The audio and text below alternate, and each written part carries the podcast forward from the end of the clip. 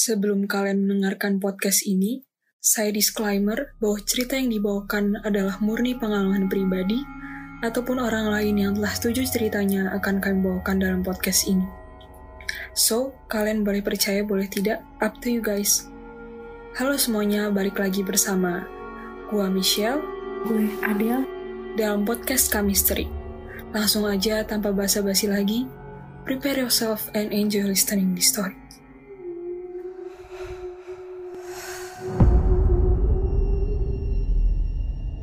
Cerita ini dimulai dari eh, di mana gue lulus SMK tahun 2011. Sama halnya kayak orang lain, gue ngelamar ke sana kemari agar bisa langsung ngerasain dunia kerja.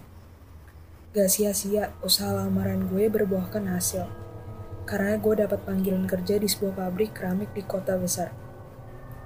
Singkatnya gue diterima dan bisa mulai kerja keesokan harinya. Mulailah gue cari-cari kosan karena gue bukan berasal dari kota ini.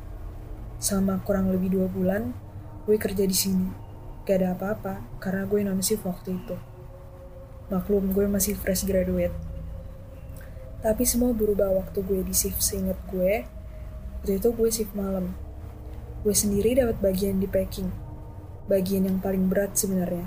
Tapi gue terima karena namanya juga pertama kali bekerja. Jiwa muda gue masih menggebu-gebu. Kejadian-kejadian ini dimulai waktu jam menunjukkan pukul 1 dini hari. Singet gue waktu itu, tiba-tiba terdengar suara orang berteriak-teriak yang membuat sisi gedung tempat gue rame dan ingin tahu ada apa. Yang gue denger waktu itu ada yang berteriak seperti ini. Ada kecelakaan. Sontak gue yang ikut penasaran mendekat. Dan kemudian aktivitas bekerja dihentikan sementara. Sambil kami berkerumun menuju sebuah lokasi yang sudah ramai karyawan pabrik. Yang kebetulan dapat shift malam waktu itu. Rupanya ada seorang karyawan yang meninggal dunia. Karyawan ini mendapat bagian di batu bara. Sedikit informasi, bagian batu bara ada di belakang pabrik sendiri, dekat dengan area kebun yang kata karyawan-karyawan senior gue angker. Penasaran, gue pun ikut melihat karyawan yang malang itu. Shock, ada hal pertama yang gue rasakan waktu lihat jasad beliau. Rupanya, korban meninggal dengan jatuh dari ketinggian tempat memasukkan batu bara ke pemanas dan tingginya sekitar tiga lantai dari tanah. Sialnya ketika korban jatuh, badannya menghantam ke besi palang, sehingga badan korban terbelah menjadi dua. Dan sewaktu gue melihatnya, gue bisa lihat darah dan organ tubuh beliau berceceran di atas tanah. Malam itu sontak ramai polisi dan mobil jenazah. Yang rupanya, menurut kabar yang gue dengar, tubuh korban dijahit lagi sebelum dikembalikan. Malam itu jujur menjadi malam yang gak akan pernah gue lupain. Semenjak itu, muncul desas-desus bila karyawan yang meninggal itu bergentayangan. Dan sialnya, gue yang melihat tubuh korban dalam keadaan seperti itu juga terkena imbasnya. Di sinilah gue mulai ceritanya. Setiap shift malam, suasana pabrik tempat gue bekerja jadi terasa aneh. Lebih dingin dan tentu saja lebih seram.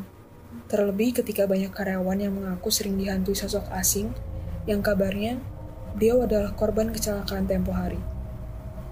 Meski gue agak asing sama hal yang berbau beginian, gue gampang percaya bila gue gak melihatnya sendiri. Dan tibalah ketika gue harus merasakannya sendiri. Sebelum gue lanjut, gue gak pernah tahu seperti apa rupa karyawan yang meninggal tempo hari. Singkatnya, waktu itu gue gak lihat. Gue cuma melihat darah dan beberapa organ terburai. Karena wajah korban sudah ditutup oleh koran. Malam itu gue bekerja seperti biasanya. Gak ada hal yang istimewa. Sampai senior gue tiba-tiba ngomong, Kamu ambilin air di tandon ya, soalnya airnya habis. Di gedung tempat gue ada sebuah galon air yang memang dipersiapkan untuk karyawan minum. Masalahnya, yang minum air ini gak cuma satu atau dua orang, tapi puluhan.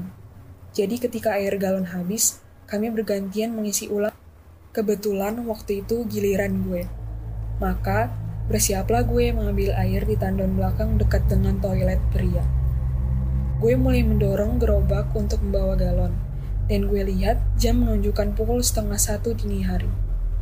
Gue gak pernah mikir macem-macem, karena hal ini sudah biasa. Tapi malam itu beda. Pikiran gue kayak gak tenang sama sekali. Seperti ada sesuatu yang mengganjal pikiran gue. Tapi gue tetap mencoba berpikir positif. Toh cuma ambil air, lalu kembali lagi kerja. Tapi rupanya dugaan gue salah. Sejak pertama menginjakan kaki di tandon, gue merasa gak sendirian. Tengkuk gue juga merinding, seperti ada orang yang sedang mengawasi. Tapi gue mencoba menekan rasa takut gue. Gue persiapkan galonnya. Kemudian mulai menyalakan tombol air untuk mulai mengisi. Di sinilah gue melihatnya. Dari jauh, tempat gue mengisi air, ada sebuah tempat nongkrong. Dan biasanya kalau siang, digunakan karyawan pabrik untuk mengobrol dan merokok. Jaraknya sekitar 150 meter dari tempat pengisian air. Di sanalah ada seseorang yang tampak sedang duduk Gue cukup lega melihatnya. Seenggaknya gue gak sendirian di sini. Gue kembali mengisi air ke galon kedua. Dan gue lihat lagi orang itu. Namun anehnya, orang yang awalnya duduk itu tiba-tiba berubah posisi dalam keadaan berdiri. Masalahnya adalah cara dia berdiri tepat memandang ke arah gue. Perasaan gue mulai gak nyaman. Dari jauh, gue belum bisa melihat wajahnya, karena hanya berupa siluet hitam saja. Namun sejujur-jujurnya gue mulai merasa bahwa ini ada yang gak beres. Setelah galon gue penuh, gue segera angkat dan pindahin ke gerobak. Sekali lagi, gue melirik. Rupanya orang itu masih berdiri di sana. Gue pun mulai mendorong gerobak gue. Dan saat itulah gue yakin bahwa sosok di kejauhan itu bukan manusia. Saat tiba-tiba dia berjalan mendekati gue. Gue yang melihatnya sontak langsung lari meninggalkan gerobak gue karena gue udah ketakutan. Kenapa gue ketakutan ya? Karena gue melihat sosok itu berjalan mendekati gue dengan gelagat yang aneh. Caranya berjalan seperti orang yang tidak bisa menahan tubuhnya. Alis badannya bergerak naik turun seperti badan atasnya mau lepas dan jatuh ke tanah. Menakutkan. Kejadian itu akhirnya gue ceritakan sama karyawan yang lain. Dan akhirnya gue diantar untuk mengambil gerobak itu.